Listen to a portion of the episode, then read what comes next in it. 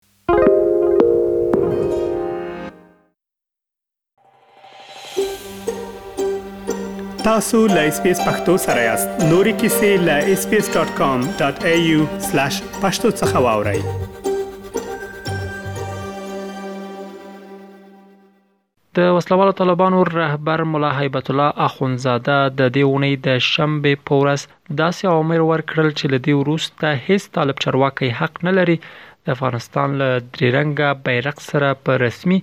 او یا هم غیر رسمي مجلسونو کې څرګند شي. د دې امر پر اساس طالب چارواکو ته سپارښتنه شوې چې په ټولو دولتي بنسټونو او بهرنیو سفارتونو کې سپین بیرغ وځړوي همداراز د وسله والو طالبانو د رهبر په یو بل امر کې د افغانستان د ملي ټلویزیون د ټولنیزو رسنیو له لوګوګانو څخه هم د ملي بیرغ د رنګونو د پاکولو امر کړی د ملا هیبت الله د دې امر سره هم مهاله د طالبانو په کنټرول کې د افغانستان د ملي رادیو ټلویزیون د ټولنیزو رسنیو لوګوګانې چې د افغانستان د درې رنګه تور سور او زرغون ملي بیرغ رنګونه پکې ول بدل شو. سلګونه افغانانو د وسله والو طالبانو دغه ګام ته غبرګون ښودلی او پر هغه یې نیوکه کړې. یو شمېر هغو یې د وسله والو طالبانو دغه دریځ غیر مسؤلانه او د افغان ولس د خوښې خلاف عمل بللی. دوی له ایس بي ایس راډیو سره په خبرو کې وویل چې د افغانستان ملي بیرغ په حقیقت کې کومې ډلې، سمت او یا هم کوم ګوند پورې محدود نه دی بلکې د ټولو افغانانو تاریخي میراث دی او په ټولو یې پالنه او ساتنه لازمي ده. د ملي بیرغ موضوع د افغانانو لپاره د یوې حساسې او ملي بحث په توګه مطرح ده. په اوس کې یواځنی هیوادنی ارزښت هغه ملي بیرغ دی چې ټول قومونه پرې راټولیدلی شي او د افغانستان ټول اقشار هغې ته په احترام باندې قایل دی. ټول افغانان په دې باندې پوهیږی چې د افغانستان دری رنګه بیرغ ملي بیرغ دی او دا هیڅکله تنظیمي یا سمتي بیرغ نشي کیدلی. نو که چیرته د حکومت برخورد دغه وي چې ملي بیرغ د دولتي ودانیو او ید هم د دولتي بنسټونو له اړوندو لوګوانو، نښانونو او د هغوی د ودانیو نه ښکته کوي، نو طبعا ولس ډېر حساس دی او دغسې مسایلو سره ډېر حساسیت لري، نو دا د حکومت او د ولس ترمنځ واټن رامنځته کولی شي. اوس که یو خاص حزب یا ګرو قدرت ته رسیږي او زموږ ملي ارزښتونو ته به احترامي کوي، هغه ښکته کوي او پر ځای یې خپل بیرغ پورته کوي، دا مانا چې زموږ بیرغ یې یو داسې بیرغ وبولو چې هغه په جمهوریت پورې تړلی بیرغ و یا هغه په کومه خاصه ګرو پورې تړلی بیرغ و، حال دا چې داسې نه ده، دا د ټولو افغانانو بیرغ ده، دا د جمهوریت بیرغ نه و، دا د مونږ افغانانو مشترک مال ده نو طبعا که یو یو ګرو قدرت ته رسیږي او زمونږ ملي ارزښتونو ته تاوان رسي خیر که اوس زور ونه لري افغانان خو په زړونو کې د دې نوي حکومت په مقابل کې د دوی یو رقم عقده پیدا کیږي چې دا به تل شتون ولري زه فکر کوم چې د افغانستان درې رنګه بیرغ اوس مهال په یو ډول باندې د خلکو په زړونو په وینه کې ګډ شوی دی حکومت باید دغه سي ګامونه وا نخلي ترڅو د خلکو خبرګونونه قصدن را وپاروي د افغانستان ملي بیرغ چې له دریو رنگونو تور سور زرغون جوړ او یو تاریخي بیرغ بلل کېږي د شاه امان الله خان د واکمنۍ پر مهال د لوی جرګې او د دیني علماوو په مشوره د اسلامي ارزښتونو په اډانه کې ترتیب شوی دی. ګڼ شمېر افغانان پر همدې باور دي چې ملي بیرغ د افغانانو ملي ارزښت دی او هېڅ یو نظام له دوی څخه دا ارزښت نه شي اخیستلی او په دې تړاو پرېکړه هېڅ یو افغان ته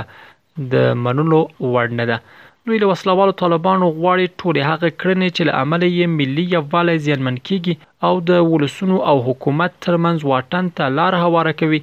باید ترې ډډه وکړي. دا ملي بیرغ چې ده دا زمونږ ستاسو ارزښت ده دا د افغانانو ارزښت ده دا هیڅ نظام هم له هغې څخه نه شي اخیستلی نظامونه به ړنګ شي لاړ به شي را به شي ولې ملي بیرغ اوس افغانان پخواني افغانان نه دي د هغوی سیاسي شعور ډیر ځواکمن شوی ده دا ملي بیرغ مونږ ته نه امارت راوړی نه هم راته جمهوریت راوړی دا زمونږ د ازادۍ لوګو ده، زمونږ د ازادۍ ټوکر ده او دا ملي بیرغ د افغانانو په زړونو کې قرار لري، دا دومره په اسانۍ د هغوی له زړونو څخه نه وځي، په دا اوسنیو حساسو حالتونو کې، په اوسنیو سختو سیاسي شرایطو کې د افغانستان د اسلامي امارت دا کار